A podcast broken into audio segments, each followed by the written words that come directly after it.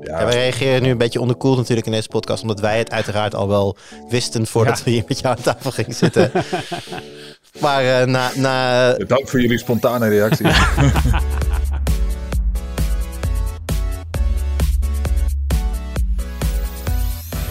Hoi, leuk dat je luistert. Welkom bij de Tweakers Podcast, aflevering nummer 203 alweer. Mijn naam is Arnoud en ik zit vandaag in de podcast met Jurian Ubachs, hey, goedemiddag. Friso Weijers Goedemiddag. en Paul Hulsebos. Yes, goedemiddag allemaal. Het is eh, een van de belangrijkste telefoonreleases van het jaar. Ik kan het niet anders zeggen dan dat. En die was deze week weer, namelijk de Galaxy S. Dat is al de belangrijkste telefoonrelease sinds 2010 ongeveer in Android-land, als ik het zo mag zeggen, Friso. Zou je dat zo zeggen? Ik denk het wel, ja. Ja. Zeker eh, degene die de meeste mensen gaan kopen waarschijnlijk. Ja, waarschijnlijk wel, ja. Het is altijd een heel succesvolle telefoon.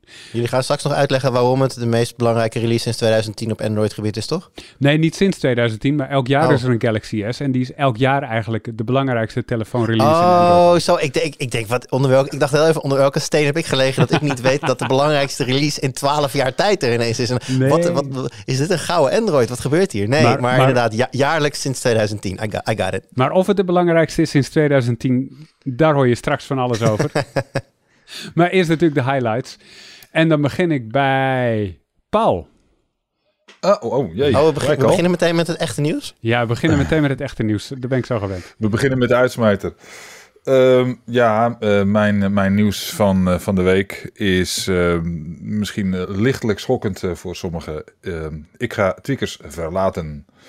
En al wel snel Ah. eigenlijk. Oh. Ja, Ja, wij reageren nu een beetje onderkoeld natuurlijk in deze podcast, omdat wij het uiteraard al wel wisten voordat Ja. we hier met jou aan tafel gingen zitten. maar eh, na, na, Dank voor jullie spontane reactie. na, me- na meer dan 14 jaar trouwe dienst, eh, Ja. Paulus. Ja, zeker. Ja, eh 2 januari 2008 eh, wandelden Jurian en ik eh, tegelijkertijd eh, door de voordeur. En Willem. Die toen nog in Amersfoort stond, die voordeur. Eh, van, eh, van Tweakers binnen. Ja, Wauw. samen met ook Willem Zo. en volgens mij Pieter Molenaar back in the day zelfs nog. Maar die eh, Ja. hield het al veel eerder voor gezien. Ja, Pieter Molenaar, die eh, onze eerste tv-recensent eh, was, maar eh, inderdaad al een tijdje geleden afgehaakt is.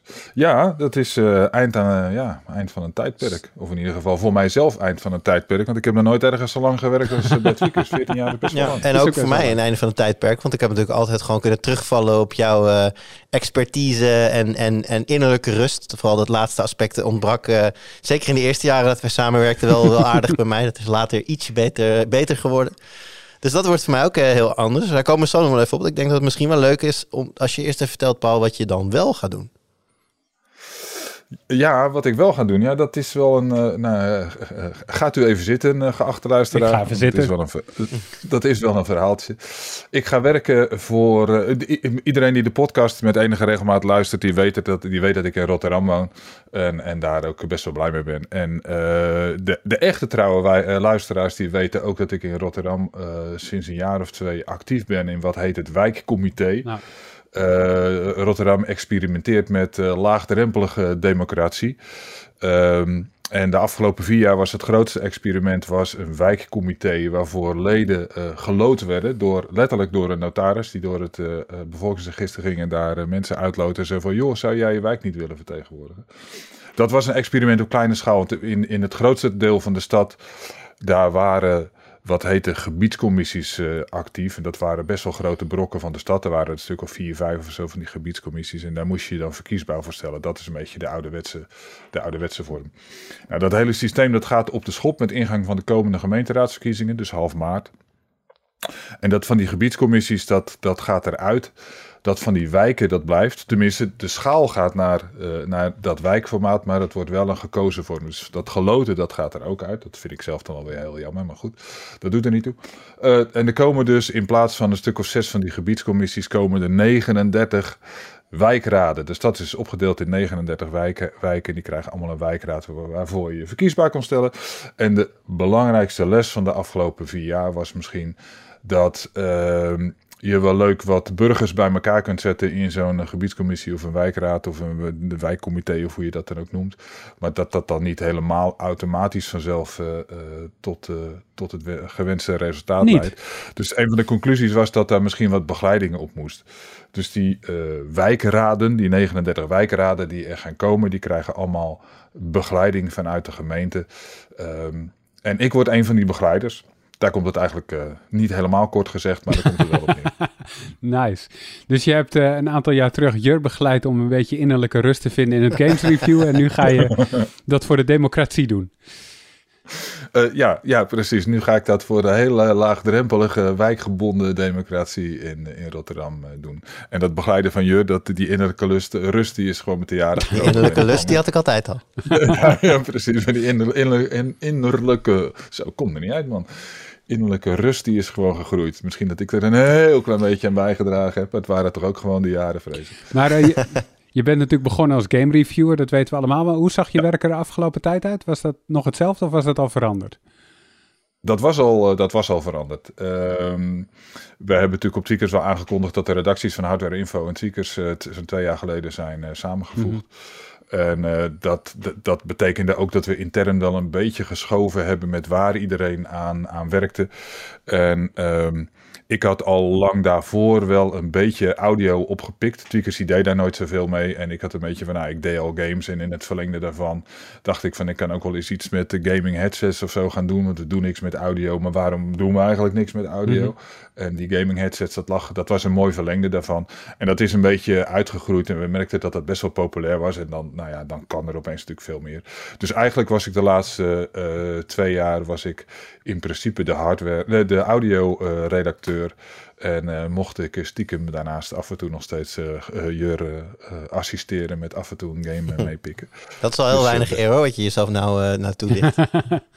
Nou ja, ach, um, dat vond ik nog steeds wel heel leuk. Maar, maar mijn, mijn voornaamste taak was dus audio en, en uh, gelukkig ook nog wat, uh, wat games. Yes. Ge ja. En in welke, in, in, in, welke zin ga je missen, Jurjan? Wat, wat kan er nu niet meer, wat met Paul uh, wel kan? Nou, in, om te beginnen hebben Paul en ik allebei een, een, een heel weirdly um, compatible gamesmaak als het gaat om waar onze expertises liggen. Alles waar, Zeker. heel veel dingen die ik gewoon niet volg of, of die mij persoonlijk minder, minder interesseren, die vindt Paul juist heel interessant. En vice versa. Ik bedoel, je hoeft Paul echt niet uit zijn bed te halen voor een nieuwe FIFA. Ja, veel gelukkiger kan je mij niet maken. Dus dat, dat uh, ik heb ook altijd, het maakt altijd grapjes over. Maar Paul heeft toen, volgens mij toen we begonnen, drie of vier uh, franchises aange, aangeduid. Zo van, daar wil ik alle coverage van doen. En voor de rest, kijk maar wat je doet. Dus dat was voor mij natuurlijk, uh, ik ben van binnen een beetje een rupsje nooit, nooit genoeg. Dus ik, uh, ik kon lekker alle games binnenharken die ik graag wilde spelen. Dus dat was hartstikke leuk. Uh, dus dat ten eerste al. Hè, dus de, kennis op het gebied van World of Warcraft, Age of Empires, Flight Simulator, noem het allemaal maar op. op Tweakers natuurlijk allemaal hele populaire games. Dus daar, daar valt een, een stukje know-how weg. Dus dat, dat in eerste instantie. Nou daarnaast natuurlijk gaan wij ook nog wel eens op vakantie. Hè? Dus het is fijn als, als de ander dan achtervan kan spelen. Dus laten we even kijken hoe dat opgelost wordt. Uh, en gewoon, ja, weet je, als je zo lang samenwerkt, hoef je bijna. Er zijn er heel veel dingen die je eigenlijk niet eens meer hoeft te bespreken. Ik uh, als, als nu morgen een E3 plaatsvindt, ineens. En ik, wij, wij stappen met z'n tweeën op het vliegtuig, vliegtuig, dan hebben we overmorgen E3-coverage. Zonder dat we daar ooit over hoeven vergaderen. Ik hoef niet eens. Ik, hoef niet eens ik weet al van tevoren naar welke bedrijven ik ga en naar welke bedrijven Paul gaat. Dat is helemaal eigenlijk van tevoren al. Dus je, zijn, je bent zo goed op elkaar ingespeeld. Ook met je, wat, wat doe jij? Wanneer publiceer jij? Uh, onze samenwerking met uh, eindredacteur uh, Bas Roestenberg.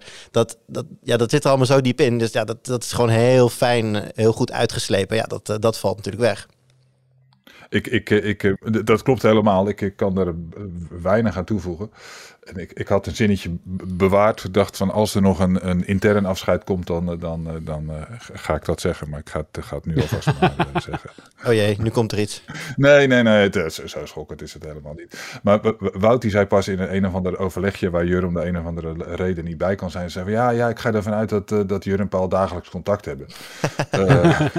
om te overleggen over games. Zo van, dat, dat, dat vond hij een soort vanzelfsprekendheid van ja, twee redacteuren met hetzelfde, met het met hetzelfde uh interessegebied. Dus die hebben vaak overleg. Nou ja, dat is dus helemaal niet zo. Maar dat hoeft dus ook helemaal niet. Nee. En dat is precies wat, Nou, wat, wat zegt. Als je Slack, als je Slack meerekent, dan hebben we wel bijna dagelijks contact. Maar, maar het, het, het is in grote lijnen precies wat jij zegt. Van, eh, eh, we vullen elkaar op een, op een gekke manier heel erg aan. Zeker in het begin uh, waren we ongelooflijk tegenpolen op, op alles. de, dat, de, de, de, de, onrust die je toen nog had, benoemde je zelf al. Ehm, en, maar ook op, op gamesgebied en op allerlei vlakken. En op de een of andere rare manier ja, ging dat heel goed samen. Um, en, en dat betekent dus ook dat, nou ja, wat, wat, wat Wout zegt, dat dat overleg, dat hoeft eigenlijk nauwelijks. En dat is ook wat, wat je net aangaf. Van inderdaad, precies als we in het vliegtuig uh, zouden stappen naar de E3, dan hoeven we zelfs in het vliegtuig niet te overleggen. Dan kunnen we dat s ochtends uh, aan het ontbijt in twee zinnen ook wel af. Ja, ja. En dat is heel fijn. Dat is heel fijn. Ja, dat valt dus weg. En dan is natuurlijk de logische vervolgvraag, oké, wat nu? En um, ik moet heel eerlijk zijn, daar kan ik eigenlijk niet zoveel over zeggen, omdat ik ook gewoon eigenlijk niet weet hoe het ervoor staat. Uh, Wout en Erik die kijken naar hoe. Oh, er komt natuurlijk wel een vacature vrij. Maar het is duidelijk dat Paul zijn expertise en zijn, zijn takenpakket de laatste jaren flink naar audio zijn geschoven. En we weten natuurlijk allemaal best getest. Dat is uh, een, een, belangrijk ding voor ons. Daar uh, weet je, alles wat er op tweakers verschijnt, dat kan natuurlijk ook naar best getest. Nou, dat doen we met games niet, met audioproducten wel. Dus het is evident dat audio in eerste instantie opgevangen, zal moeten, uh, moet worden. Omdat ik natuurlijk zelf heel veel games kan doen. Dus dat loopt in principe wel. En hoe we het daarna op gaan pakken is nog even afwachten. Uh, we zijn bijvoorbeeld aan het kijken van, nou ja, zouden we freelancers kunnen, uh, kunnen gaan inzetten voor reviews? Daar lijkt het naartoe te gaan, maar ik vind het nog een beetje vroeg om te zeggen, we gaan dat doen. Maar het zou me niet verbazen als binnen nu een aantal weken slash maanden er wat andere namen gaan verschijnen op tweakers bij de game reviews. Omdat ja, ik, je kunt in je eentje niet, niet alle, zeg maar voor tweakers noodzakelijke reviews doen. Dus dat, dat is helder. Paul heeft afgelopen weken bijvoorbeeld Pokémon Arceus uh, van mij overgenomen. Omdat ik natuurlijk druk bezig ben met andere dingen. Dus ja, je zal, je zal, ik zal op de een of andere manier dingen moeten kunnen uitbesteden. Dus nou ja, hoe dat dan gaat werken. Of dat bijvoorbeeld naar andere mensen binnen de redactie gaat die veel met gaming hebben. Of dat dan naar freelancers gaat. Dat is nog even afwachten. Dus dat, uh, ja, dat is een puzzel die wij, tenminste meer specifiek, ik en uh, reviewcoördinator Erik met z'n tweeën moeten leggen. Maar dat komt vast goed. Ja, heftig nieuws aan het begin van deze podcast, Paul. Ja, voor mijzelf ook uh, een, een, nog wel. Ik, ik vind het heel leuk dat ik een, eh, een, een, eh, een hele andere baan heb gevonden. En dat ik uh, niet alleen in, maar ook voor mijn eigen stad uh, kan gaan werken. Dat, dat vind ik serieus. Ja, als je naar een concurrent van ons was gegaan, ik je gewoon voor je bek geslagen natuurlijk. Ja, dat is ja dan, maar dan had ik mezelf misschien voor mijn bek geslagen. Uh, maar ik ga natuurlijk heel veel aan, aan tweakers uh, missen. Games, uh, audio, het, het, het, het, bezig zijn met, met nieuwe gadgets, nieuwe technieken. Ehm, dat was de, de, de, laatste jaren met corona was het natuurlijk al een klein beetje wat minder. Maar de, de, de, de sensatie van met z'n allen rond het bureau staan van die ene redacteur die dat ene hippe apparaat er binnen had gekregen. Uh, dat missen we natuurlijk allemaal wel. Um, maar dat, dat ga ik uh, de, de, komende jaren ook heel erg, uh, heel erg missen. Gewoon allemaal hippe nieuwe shit. En hoeveel pijn, hoeveel pijn deed het om de PlayStation 5 en de Xbox Series S in, fabrieks, in fabrieksinstellingen instellingen te zetten en terug te brengen naar kantoor? Ja, dat. Uh, precies dat. En, en de Switch en, en, en uh, Gamepay, PC uh, abonnementjes en weet ik veel. Nou ja, gewoon de, de, alle, alles inleveren en, en teruggaan naar een, naar een leven waarin ik een doodnormale doorsnee gamer ben. Die, ja, en dan ja. wordt jouw, jouw, jouw naam op het, op het forum wordt straks gewoon zwart. Ja, ja ook dat. Ja, precies. En ik heb uh, toen ik uh, in 2008 bij Tweakers uh, kwam, heb ik heel bewust gekozen voor niet echt een nickname, maar gewoon onder mijn eigen naam publiceren. Want ik, dat, dat vond ik belangrijk, dat redacteuren herkenbaar en aanspreekbaar waren. maar ja, straks ben ik geen redacteur meer en heb ik nog wel gewoon mijn eigen naam als, als nickname. Wat natuurlijk ook helemaal niet erg is. Maar, Anders doe je nick change. Ja, dat kan toch? Ja, Dat, dat is ook zo. Maar ach, joh, ik, eh, eh, sterk, uh, ergens vind ik nog steeds dat, dat het leuk is als mensen gewoon herkenbaar zijn. Ik, ik, heb, ik heb wat dat betreft uh, uh, niks te verbergen en ik sta voor mijn mening. Dat vooral. Kijk, gesproken als een echte politicus, Paul. Ja. Jur, wat heb jij meegenomen deze week? Um, nou, ik wilde over um, een nieuwe game van Sony gaan praten, namelijk Horizon Forbidden West. Maar dat mag nog niet, want daar is een embargo aan verbonden. Dat is forbidden. Ja, het is verbinden. Nee, je, je mocht, uh, toen, je de, toen we de reviewcode kregen, mocht je een, een, screen van je uh, PlayStation 5 homescreen plaatsen waarop dan te zien is dat je Horizon hebt geïnstalleerd. Dus dan mag je even opscheppen met dat je hem hebt. Nou, dat deden ook een heel aantal journalisten. Dat vond ik wel, uh, Gezien, vond ik wel komisch om te zien. Um, dus in die hoedanigheid mag ik dus wel vertellen dat ik hem gespeeld heb. Uh, maar verder mag ik er niks over delen. Het embargo, uh, ik weet eigenlijk niet of ik de embargo datum mag noemen. Volgens mij wel. Ik gok dat het wel mag. Het is uh, op 14e, de maandag 14 februari om 9 uur 1 ochtends verloopt het embargo. En dan zal, als alles goed gaat, ook onze review online komen. Dus ja, daar mag ik niet over praten. ik ben ook bezig met Steam Deck. Daar zit een embargo op. Dus uh, we mogen Mag je ook niet over praten. Nee, we mogen wel zeggen via, uh, via AD uh, kunnen wij met de Steam Deck spelen. Bastiaan Vroegrop die heeft hem namens volgens mij AD en nu.nl geregeld bij, bij Valve. Dus hij ligt hier. Um, ik heb er al net al even op gespeeld en ik mag er nog verder niks over vertellen. Dus laten we het even hebben over Google Stadia. Wat mag je daar wel over vertellen?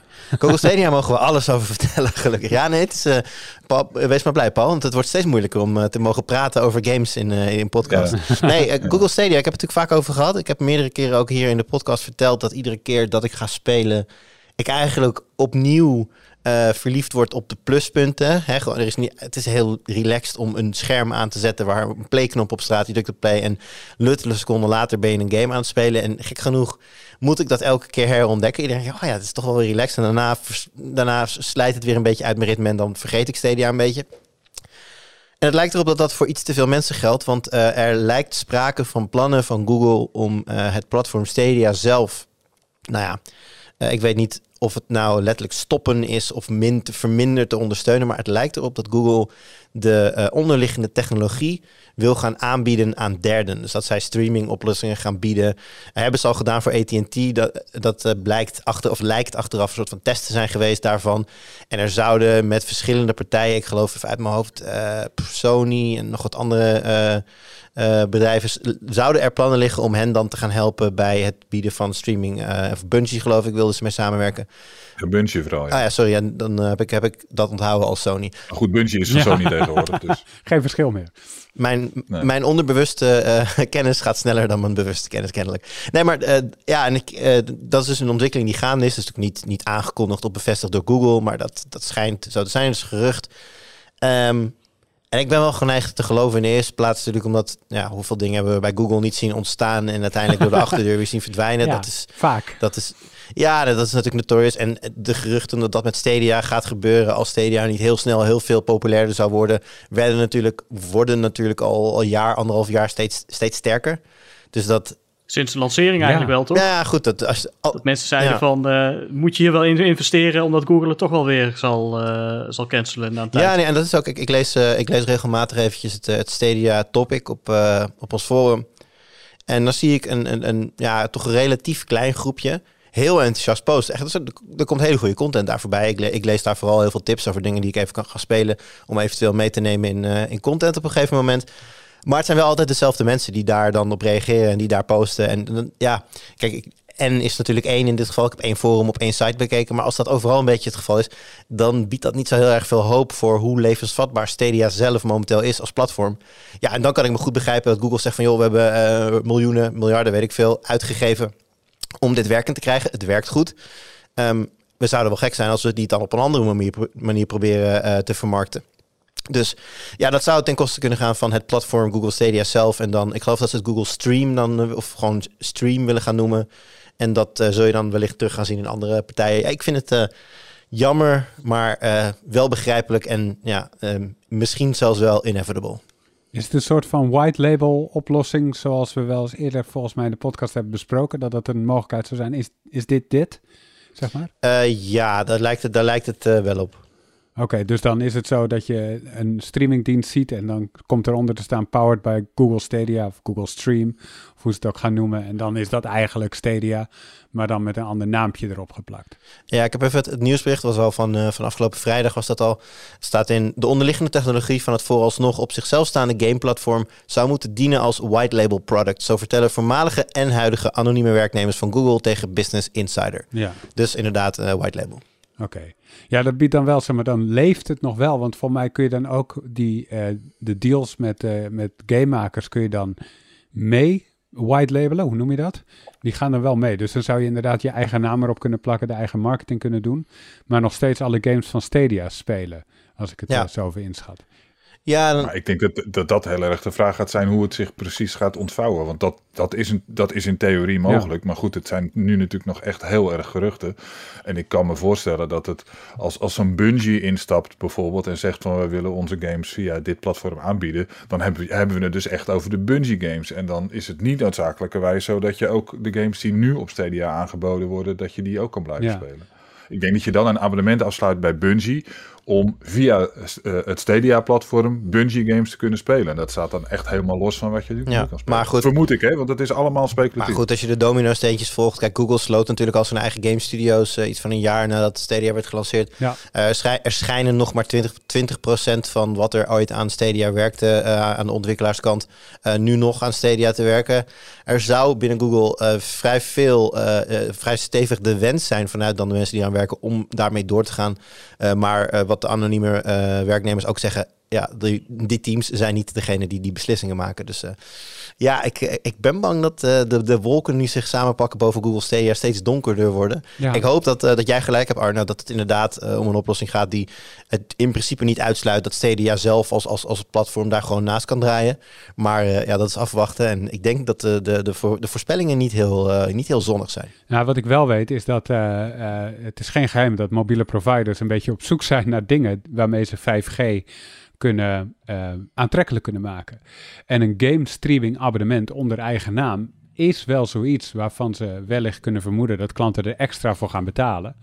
Eh, waarmee ze dus extra inkomsten uit 5G-abonnementen kunnen krijgen. En zo op die manier eh, die kosten wat kunnen gaan terugverdienen. En ze hebben ook echt al interesse daarin wel getoond. Dus dat komt niet helemaal uit de lucht vallen. Dus ik denk dat dat een mogelijkheid zou zijn. Maar ja, ik heb nog geen deals daarover gezien. Ik, ik zie dat op zich ook wel als een kans hoor. De, de, de, ik, het zou me niet verbazen als een grote partij gewoon heel Stadia, de hele Stadia-tak van Google overneemt. Oh ja. Dat zou bijvoorbeeld Tencent kunnen zijn, want die koopt alles wat er vast zit. Eh, en dan heb je dus zo'n mobiele eh, provider die, die, die daar gebruik van zou kunnen maken. En dan een hele grote stap op de westerse markt zou kunnen zetten. Maar ik kan me ook voorstellen in het verlengde van, van Bungie dat, dat, eh, dat Sony eh, de hele techniek eh, overneemt. Om daarmee een hele interessante concurrent te hebben van eh, wat Microsoft. Ik wilde net zeggen, je zit natuurlijk nu echt in, midden in een overnameoorlog eh, op de gamesmarkt. Ja. Eh, ja, als, als Sony daar eh, een volgende slag in wil slaan, dan is een stap zetten op streaminggebied, waar ze natuurlijk achter liggen ten opzichte van de streamingopties die Microsoft eh, al, al aanbiedt. Dan zou dat een hele logische zijn om die tak van Google over te nemen. Ja. Ja. Maar goed, wat ik net zeg, Google heeft natuurlijk veel in geïnvesteerd. Zij zien natuurlijk ook wel de kansen om dit hè, via inderdaad white labels dan ja, gaan aan te bieden aan andere partijen. Dus dat zou dan meer, zeg maar, de verkoop zou dan meer moeten opleveren dan een x aantal jaar dat, dat, dat ver, zeg maar, de dienst verkopen aan andere bedrijven. Dus ik weet niet of dat zo makkelijk is voor Sony als ze dat willen. Ik bedoel, alles is te koop, laten we wel wezen. maar ik weet niet of dat, eh, of dat zomaar eh, geregeld is. Microsoft terecht ook zomaar. eh, Sony heeft misschien ook niet zo'n diep- diepe zakken als Microsoft. Nee, dat ook nog eens. En je kunt je afvragen of Google zeg maar, het geld nodig heeft. Heeft Google nu... ge- Kijk, verkopen is interessant als je nu een heel groot bedrag wil hebben... waarmee je dan X of Y wil doen. Maar volgens mij zit Google niet in de situatie dat, dat ze nu meteen geld nodig hebben. Dus voor hen is een langere termijn... waarin ze iets opbouwen waarmee ze blijvend geld kunnen verdienen... veel interessanter. ja, lijkt me ook. Maar goed, allemaal speculatie nog. Friso, Zeker. Friso, wat heb jij eh, meegenomen deze week? Ja, het was even zoeken, want eh, ik dacht ook aan de Steam Deck. Maar ja, embargo. Eh, nou ja, als jij, de- kijk, zijn natuurlijk ja, wel eh, vanuit andere media... onder andere Linus Tech Tips en nog wat andere... die hebben, eh, dat is een ander embargo... die hebben een preview-embargo ook... En die hebben Hmm. volgens mij eh, gisteren en eergisteren wat een en ander gepubliceerd over de Steam Deck. Ja, daar op basis, op basis van Ja, wat zij klopt. hebben verteld, mogen wij natuurlijk wel praten. Ik kan er alleen niet mee praten, want voor mij is het lastig om iets te zeggen zonder dat daarin dan mijn, eh, ja, mijn eigen expert, zeg maar mijn eigen ervaring in wordt meegenomen. En dat mag niet. Ja, nee, dus daarom. eh, ik bedoel, ik zag die dus. Ik zag de Oppo eh, Find X5 Pro ook nog eh, voorbij komen. Er zit ook een embargo op trouwens, want die moet ook nog... eh, ja, mensen, wij doen heel veel dingen wat jullie allemaal nog niet mogen weten. Ja. Maar toen eh, zag ik ook iets wat er eh, gelukkig niet onder embargo is. En dat is eh, Tap to Pay voor de, Ja. voor de iPhone. Het eh, nieuws van gisteren. Eh, dat je de iPhone dus eh, binnenkort, of tenminste mensen in Amerika kunnen dat, binnenkort eh, de iPhone als betaalterminal inzetten. Vertel, hoe, hoe gaat dat precies werken? Wat kun je dan doen? nou ja, wat ik net al zeg, dus in plaats van dat je dus zo'n apart ja, zeg maar kastje nodig hebt. Je hebt misschien wel eens gezien als je wel eens in een taxi zit, hè, dat je dan je, je pas tegen zo'n soort ja, rekenmachine-achtig apparaatje moet, mhm. moet aanhouden. Uh, kun je dus de, je iPhone gebruiken als zo'n terminal. Uh, nou, dan kun je dus gewoon met een andere iPhone of met een uh, creditcard of een betaalkaart kun je, kun je betalen. Oké, hoe dan hou je het gewoon tegen de NFC-chip van de iPhone aan? Gaat het zo werken zoals met Apple Pay? Ja, ja. Ja, klopt. Dus inderdaad, zo, ja, zo, zo, zo werkt het natuurlijk technisch. Uh, dan heb je wel een enigszins recente iPhone nodig, dus een uh, eh, 10S of later. Maar ja, die is ook al een paar jaar oud. Dus 10S is uit 2018 of zo? Denk ik dat... Ja, zoiets. Even kijken hoor. Ja. ja, ja, ja, zoiets inderdaad. Dus dat is 3,5 jaar oud, dus dat, dat kunnen mensen al hebben. Maar dan kun je dus, maar kun je dan ook, zeg maar, als, we, als wij in de kroeg bier hebben gedronken en we willen, en ik heb alles getrakteerd en ik zou je normaal een tikkie sturen. Kan je dat ook gewoon door de iPhones tegen elkaar te houden doen straks? Als het goed is wel, maar volgens mij is het eerder iets wat voor, uh, ja, zeg maar voor merchants, dus voor, uh, voor verkopers uh, bedoeld is in eerste instantie. En sowieso dus alleen in de Verenigde oh, Staten voorlopig. Ja, op de, ik zou denken op de markt en zo, dat soort plekken, daar, daar zou dat denk ik wel handig zijn. Sommige daarvan hebben natuurlijk nog geen nog geen uh, grote pinapparaten, zeg maar. Die, die doen het liefst op die manier. Ja, ja. En taxis inderdaad. Ja. ja, leuke ontwikkeling. Waarom zouden ze het eigenlijk niet eerder hebben gedaan? Want dit klinkt als iets heel logisch. Goeie vraag. Um, kan zijn, want hier moet je natuurlijk wel een, een, samenwerking voor hebben met een bepaalde betaaldienst. Dat hebben ze dus nu ah. ook uh, zeg maar, genomen. Dus uh, met uh, Stripe is dat. Dat is een betaalplatform dat dus die tap-to-pay dienst weer gaat aanbieden. Dus dat, ja, Apple moet natuurlijk wel, ja, ze kunnen dat niet, ze kunnen dat niet zelfstandig doen. Ze moeten daarvoor wel samenwerken met een bepaalde andere dienst weer. Interessant. Enig idee wanneer zoiets naar Nederland komt? Kan dat nog jaren duren of uh, hebben we dit binnenkort ook? Poeh, ook weer een goede vraag. Geen idee.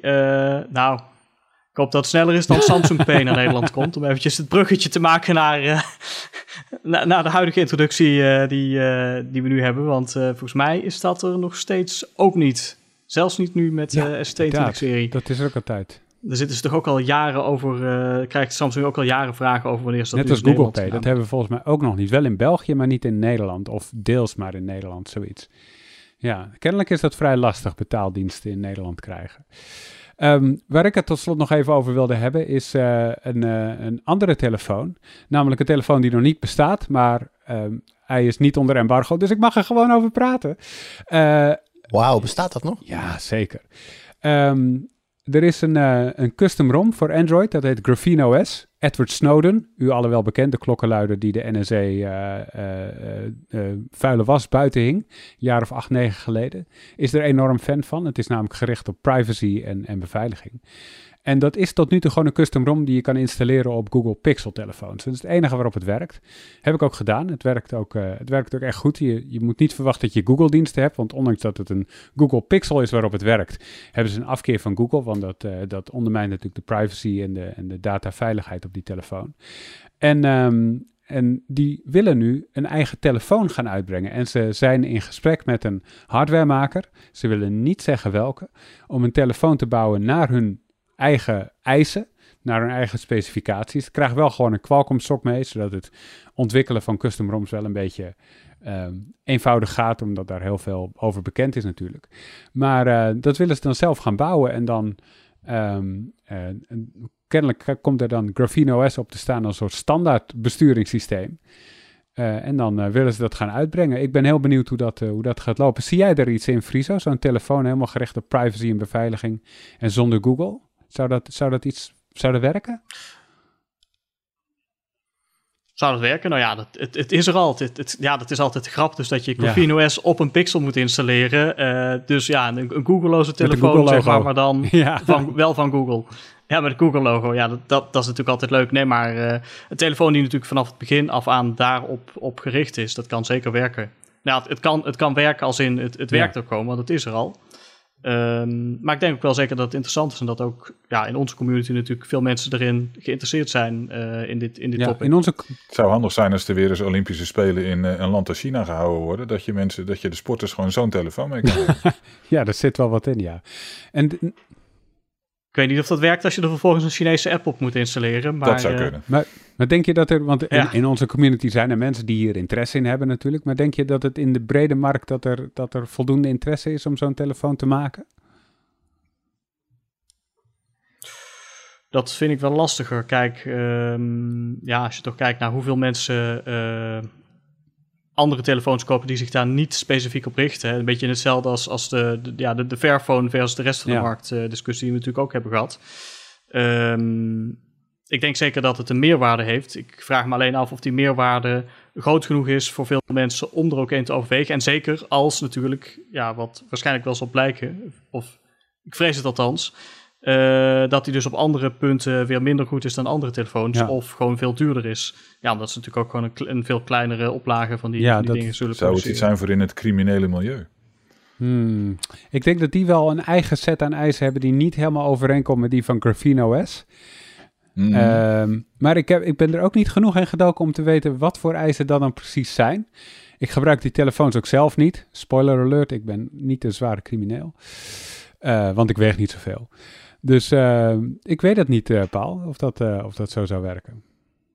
Maar ja, dat is, ook, dat is ook een niche waar telefoons voor veel geld te koop worden aangeboden.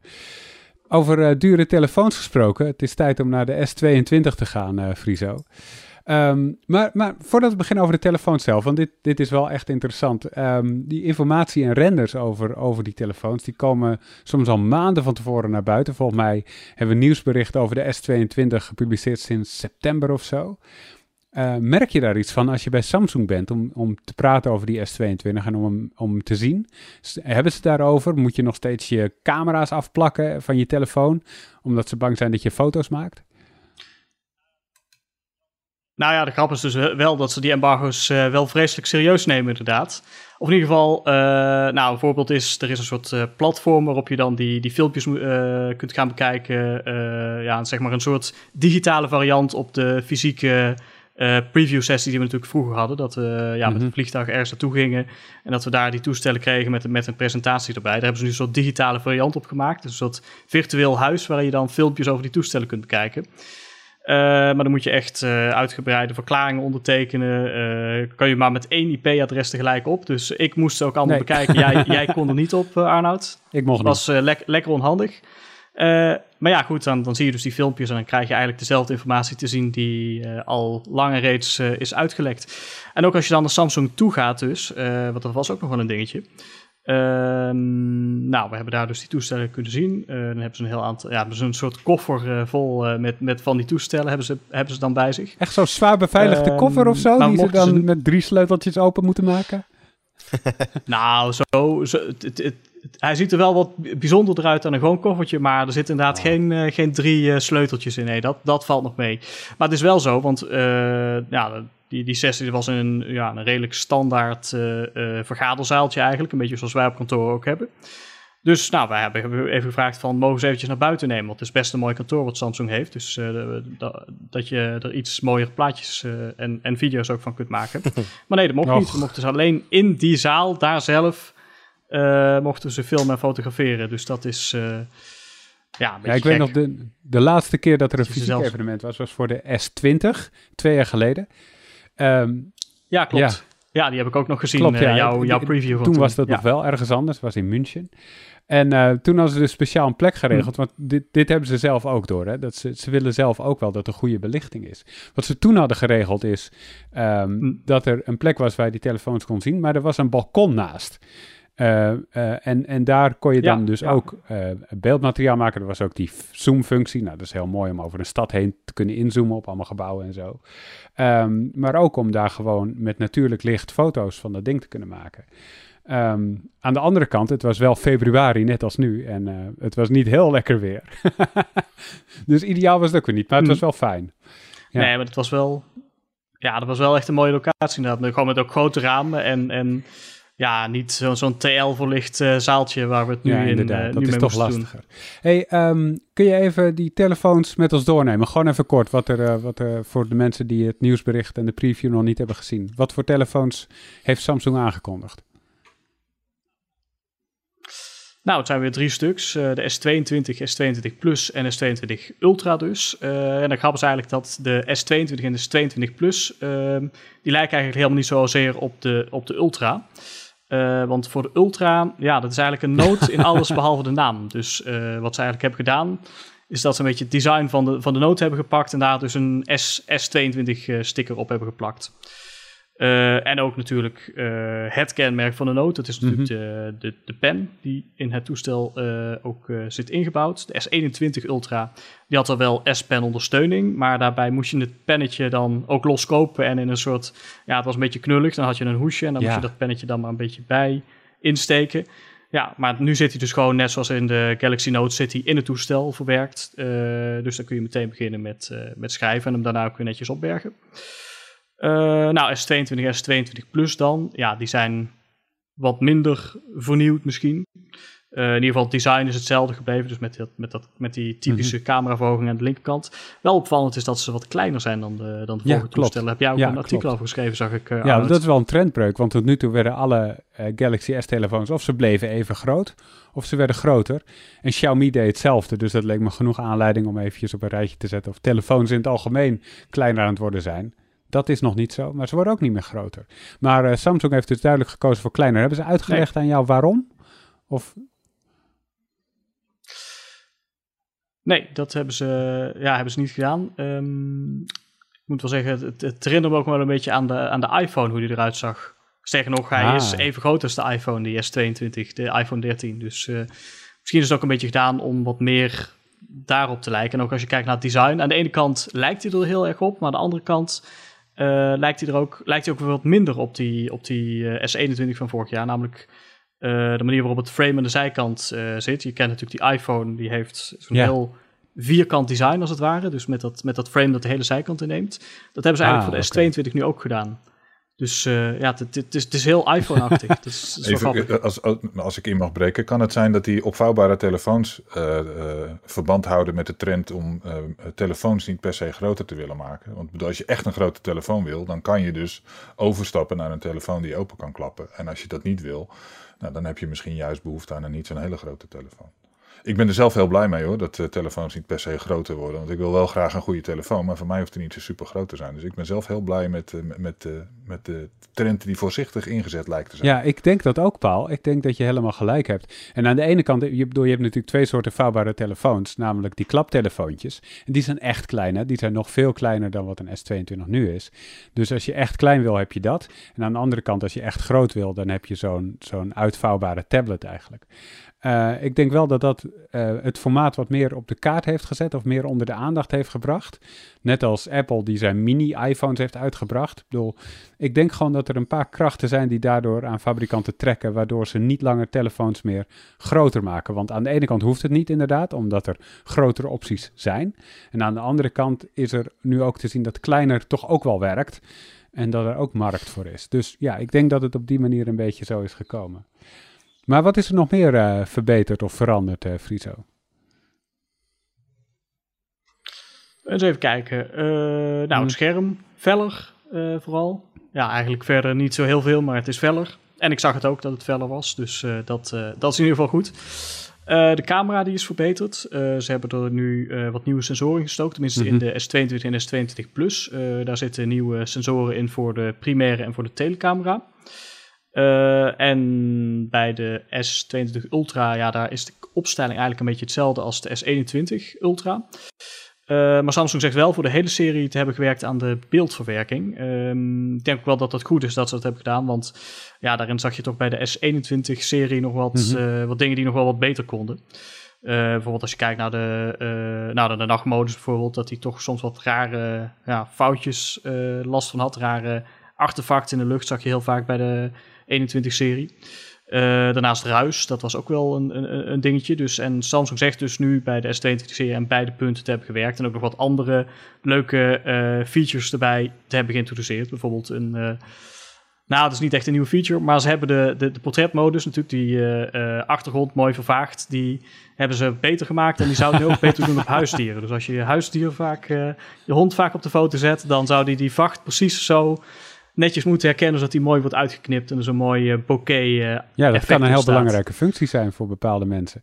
Maar het klinkt, Friso, alsof, alsof dit allemaal hele kleine marginale verbeteringen zijn eigenlijk. Dit klinkt niet echt als een heel nieuwe vernieuwende telefoon. Nee, ja, is, is het ook. Nee, zeker. En die S22 en S22 Plus zijn zeker uh, ja, gewoon een, een kleine upgrade uh, ten opzichte van de S21 en de S21 Plus. Ja, wel klein maar nuttig. Hè? Kijk, eh, dat zag je ook bij de iPhone 13-serie natuurlijk. Ja. ja. dat was ook niet zo spannend. Maar aan de andere kant, ja, ze hadden wel hè, precies die punten verbeterd waarop mensen die mensen natuurlijk echt nodig hebben. Dus scherm, camera en uh, in geval van de iPhone 13-serie de accuduur. Maar dat is voor de S22-serie ben ik daar wel een beetje bang voor. Want ze hebben de, de accu's wat moeten verkleinen, omdat natuurlijk die toestellen kleiner zijn geworden. Er zitten nu ook kleinere accu's in. Dus dat ben ik heel benieuwd. Uh, Samsung zegt zelf, er zit ook weer een nieuwe sok in. Dat is ook nog een, een interessant punt. De Exynos 2200.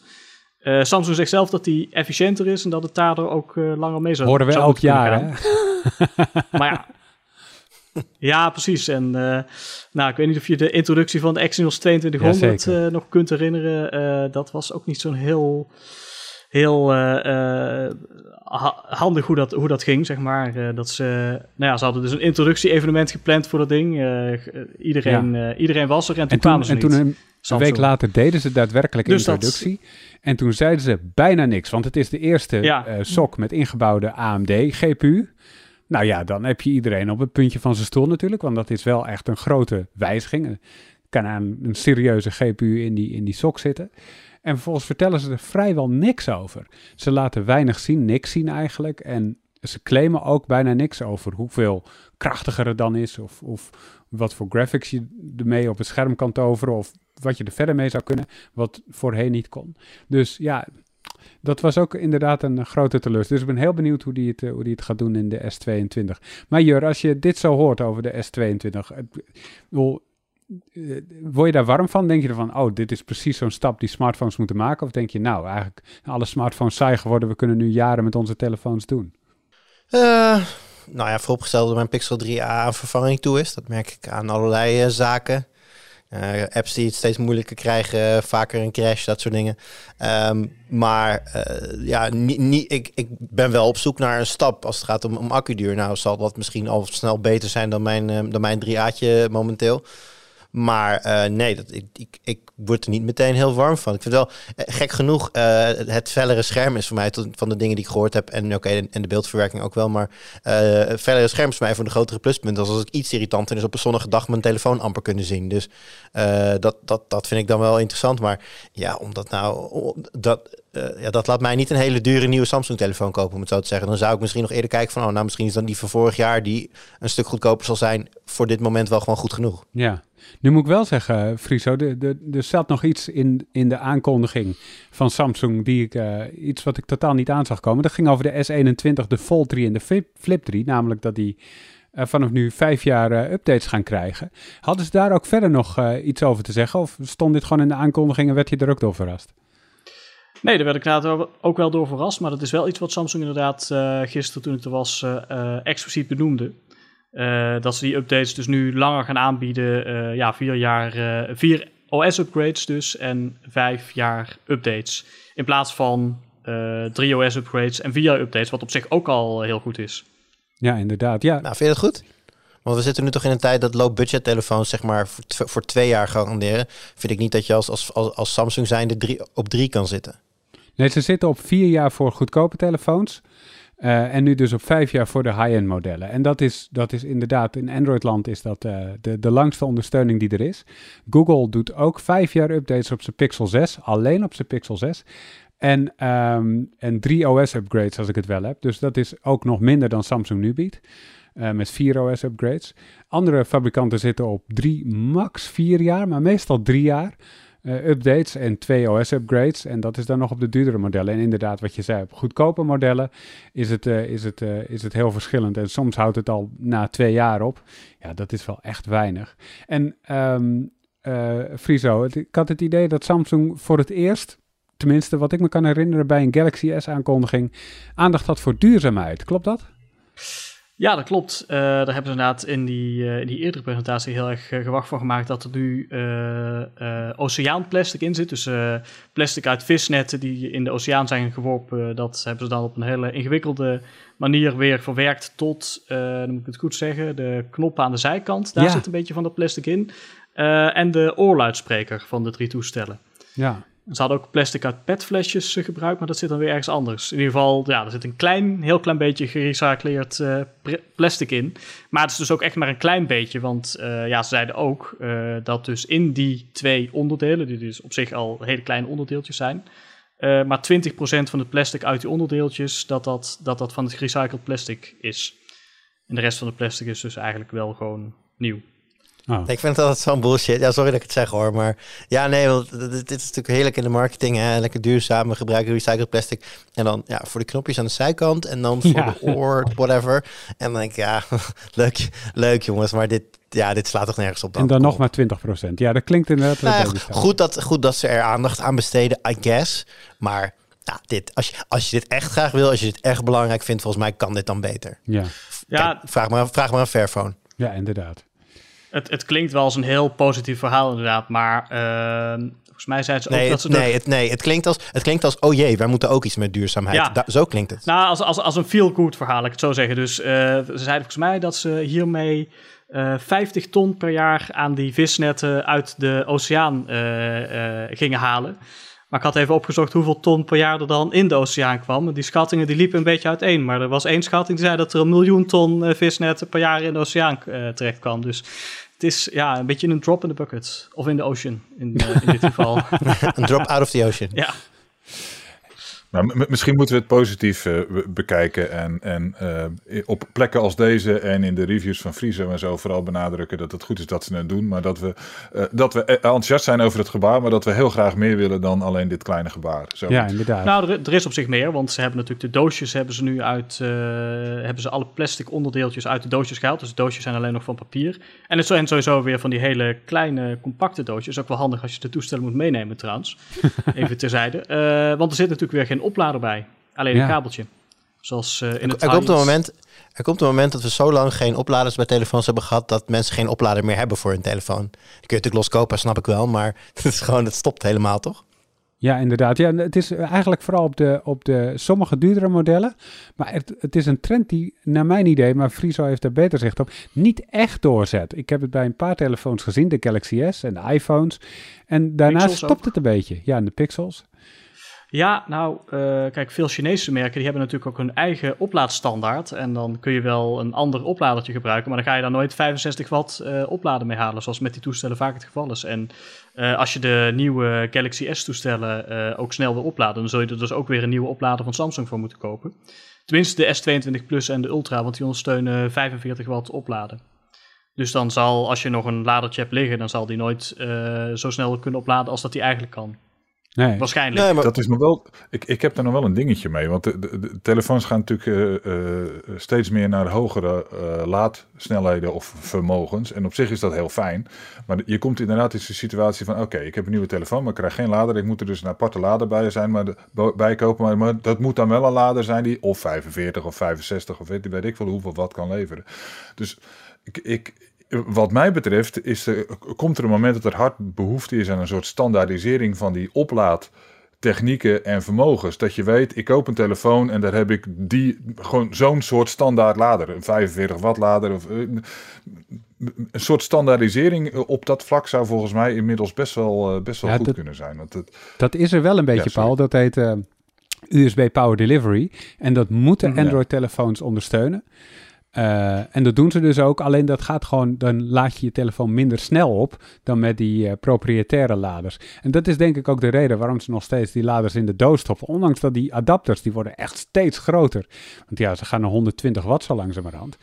Ehm, maar het is gewoon een verkoopargument. Het is gewoon zeggen, laat je telefoon weer op in 20 of 30 of 35 minuten. Dat is gewoon een extra reden voor hun om, om hun telefoon aan te prijzen. En ook te onderscheiden van nu een Samsung en, een- en een Google, die dus helemaal geen adapter in de doos hebben. Dus ja, dan kan je je extra onderscheiden, denk ik. Ja, maar ik, ik zou het dus heel fijn vinden als je gewoon naar de, de, de, de willekeurige bouwmarkt eh, Ja. kan lopen en zeggen: Oké, ik wil een ik wil een 60 watt lader en die werkt dan bij alle Op telefoons 60 watt. die, ja. die- ja, die op 60 watt geladen kunnen Ja. worden. Dat, dat, daar zou ik heel graag. Nee, dan krijg je 20 watt of zo, denk ik. Of 25. Ik weet niet precies wat USB PD dan op zo'n moment doet. Maar inderdaad, zoiets zal, zoiets zal dan zijn. Eh, maar eh, Jur, is, is, want je bent in de markt voor een nieuwe telefoon binnenkort. Dus is, Ja, al heel lang. Ja. is duurzaamheid en de lengte van updates en zo, is dat dan een, factor voor je om eh, iets uit te zoeken? Eh, ja, wel meer. Zeker, nou goed, we hebben het natuurlijk al eerder hier over Fairphone gehad. Ja. En eigenlijk de enige reden dat ik hem nog niet heb, is omdat de levertijd zo hoog is. Grappig feitje is dat als ik hem destijds had besteld, ik hem inmiddels zou hebben gehad. Dus ja, ik ben, ik, ik ben niet de meest logische persoon op aarde. Dat, dat, dat geef ik meteen toe. Maar nee, dat speelt zeker een rol. En eh, ja, de lengte van updates minder. Omdat ik eh, over het algemeen binnen een jaar... Het is nu dan toevallig dat ik meer dan twee jaar met mijn eh, Pixel 3a bezig ben. Maar over het algemeen is zo ongeveer rond de twee jaar wil ik toch wel vervangen. En ja, het zou voor mij alleen maar een extra motivator zijn als ik weet van, nou oké, dan is, dan is de, de update afgelopen. Dus na twee jaar, nou, dan koop ik een nieuwe. Ja, Nu, kan, ja, oké, de, luxe van door kunnen gaan, nog een extra jaartje is wel veel waard. Ik zou het fijn vinden als het in ieder geval drie is. Want daar zit men dan denk ik misschien soms de sweet spot. Maar meer dan dat eh, zou het voor mij, hoe ik mijn telefoons gebruik, niet hoeven zijn. Behalve dan dat je hem dan natuurlijk door kan verkopen na twee jaar en kan zeggen, ja, je hebt nog drie Ja. jaar ondersteuning. Ik heb nog nooit een telefoon doorverkocht. Het is ook, ik, leg, ik gooi ze in een la. Nou ja, het enige is, stel mijn, mijn, mijn, de telefoon die ik gebruik, die ik heb, gaat stuk of, of moet gerepareerd of wat dan ook. Dan pak ik meestal wel mijn meest recente vorige telefoon. Die update ik dan. En dan zo goed, of zo goed of kwaad als het gaat. En dan ben ik in ieder geval weer even bereikbaar. Dus dat, dat wel. Dus ja, dat zou handig zijn als die telefoon dan ook in ieder geval nog veilig is. Ehm, maar ja, het, ik vind duurzaamheid in die zin belangrijker dan hoe lang de updates doorgaan. En hoe zit dat voor jou, Paul? Is dat voor jou een factor? Ik, ik vind dat lastig, omdat ik eigenlijk toe moet geven dat het lang niet zo'n belangrijke factor is als ik zou willen dat het is. Eh, ik wou dat ik iemand was voor wie dat een hele belangrijke factor was. Nou, ik moet, wel, dat- Paul, ik moet wel zeggen, met mijn mond vind ik het momenteel een belangrijke factor. Ik weet niet of mijn portemonnee daar uiteindelijk straks ook in meegaat hoor. Dus ik, ik weet, of ik dat helemaal waar kan maken met wat ik uiteindelijk koop. Dan eh, als ik straks over een tijdje gewoon met die S22 rondloop, dat zou me ook niet verbazen. Nee, nou ja, dat voor mij, voor mij is het. Ik heb ook een Pixel 3a, eh, overigens. De erg fijne telefoon, daar niet van. Eh, en, maar hij begint wel wat trager te worden. Maar voor mij zit het meer in de, in de heilige drie-eenheid van schermgrootte, batterijduur en processorsnelheid. Of, of werkingssnelheid. En het OS, sorry. Ja. Eh, eh, die.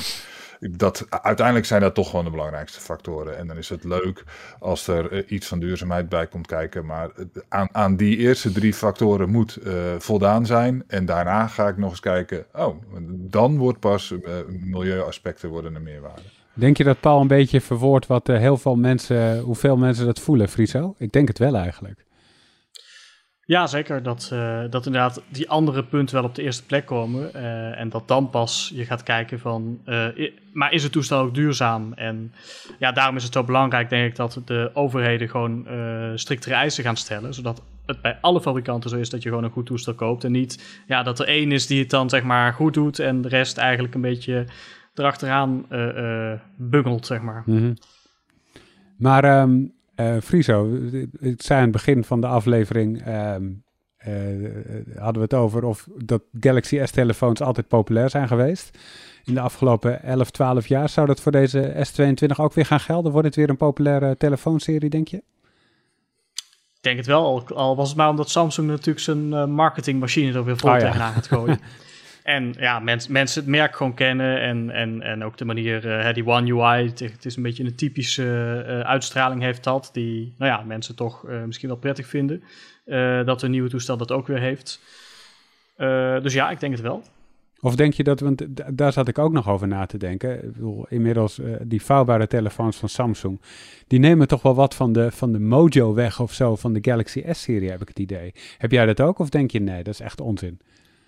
Nou, ja, kijk, met, met een vouwbaar toestel heb je natuurlijk nog steeds wel heel erg die afweging ehm, van nou, een aantal dingen. Duurzaamheid eh, en andere eh, eh, componenten die erin zitten. Ja, als je kijkt gewoon naar de, de Galaxy Z Flip 3 versus de S21 Plus dan. Die dingen hadden bijna dezelfde, dezelfde afmetingen, tenminste als je ze openklapte. Eh, maar ja, de, de, de flip was minder duurzaam, eh, de camera was veel minder goed en de accuduur was veel korter.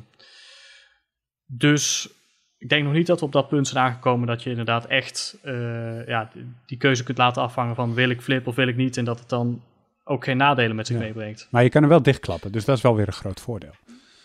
Ja, nee, zeker natuurlijk. Dat heeft ook een groot voordeel, maar het heeft ook weer grote nadelen. En ja, dat zijn dus wel de nadelen die precies zitten op de punten, ja, wat ik net zei, uh, waar mensen hun, hun keuze wel van laten afhangen. Ja. Dus dan is het de vraag of jij toch graag die. Nou, het, het heeft ook wel wat hoor, natuurlijk. Dat je, het is heel cool, zeker. dat je die cool factor wil hebben en dat je daar andere dingen weer voor opgeeft. Ja, inderdaad. Nou, lijkt me een goed moment om een uh, punt te zetten en nog even vooruit te kijken naar wat de komende week op de site gebeurt. Want Friso, de S22 is niet de enige Samsung-telefoon die je gaat bespreken op de site. Want er is er nog één, toch? Ja, de S21 FE is zeer uh, zwaar verlaat, maar uiteindelijk uh, kwam die toch nog, hij kwam toch nog uit. Uh, en we hebben hem ook al een tijdje. En, maar mijn collega Donovan, die is ermee bezig. En die gaat dus ergens in de komende dagen, nee sterker nog, wanneer gaat deze podcast online? Op donderdag, dus ik denk dat het morgen is als je hem gelijk luistert als hij uitkomt, ja. Ja, dan zal waarschijnlijk die review ook alweer online staan. Uh, ja, over de S22's, want die uh, krijgen we ook al snel. Dus uh, de komende week, nou de komende week misschien nog niet, maar de komende week kun, kun je misschien wel al een eerste review verwachten Oeh. van een van die toestellen. Maar er is nog meer wat eraan komt. Collega Julian heeft een mooi verhaal over de chipsector in China. die in opkomst is. We hebben weer een mooie terug in de tijd. Dat is onze rubriek die we eens in de maand op zondag doen. Waarbij we het nieuws van de afgelopen maand bespreken. Olaf doet dat deze keer. En dan op maandag hebben we Horizon Forbidden West hier. En je mag er nog niks over zeggen, dus ik ga er ook niks over vragen. Nee, nee, nee. Ik, ik, ik, kan wel vertellen dat, dat ik, ik heb de credits al gezien. Ik ben er al, eh, ik heb het verhaal uit. Dus dat, uh, ik ben, uh, het is een korte game. Ik mag je niet vertellen. je, hebt, je hebt snel gespeeld. korte game, zegt hij. Nee, ik mag nog niet vertellen waar ik over gedaan heb, want dat is informatie die natuurlijk embargo gebonden is. Maar nee, ik, nou goed, maandag, inderdaad, maandag 1 over 9. Yes, heel benieuwd. En uh, nog een verhaal van mij wat eraan komt, gaat, uh, is een interview met iemand van Lineage OS. Ook een custom ROM, maar dan de populairste custom ROM ter wereld eigenlijk wel voor Android. Hoe zit die organisatie in elkaar en hoe ondersteunen ze telefoons? Dat wilde ik wel eens weten, heb ik gevraagd. Hartstikke leuk verhaal, komt er ook aan. Hey jongens, dank jullie wel voor jullie aanwezigheid vandaag. Uh, jij dankjewel voor het luisteren. Feedback kan in de reacties in de Geek of, of via de mail podcast.tweakers.net. En tot volgende week. Doei. Vaarwel.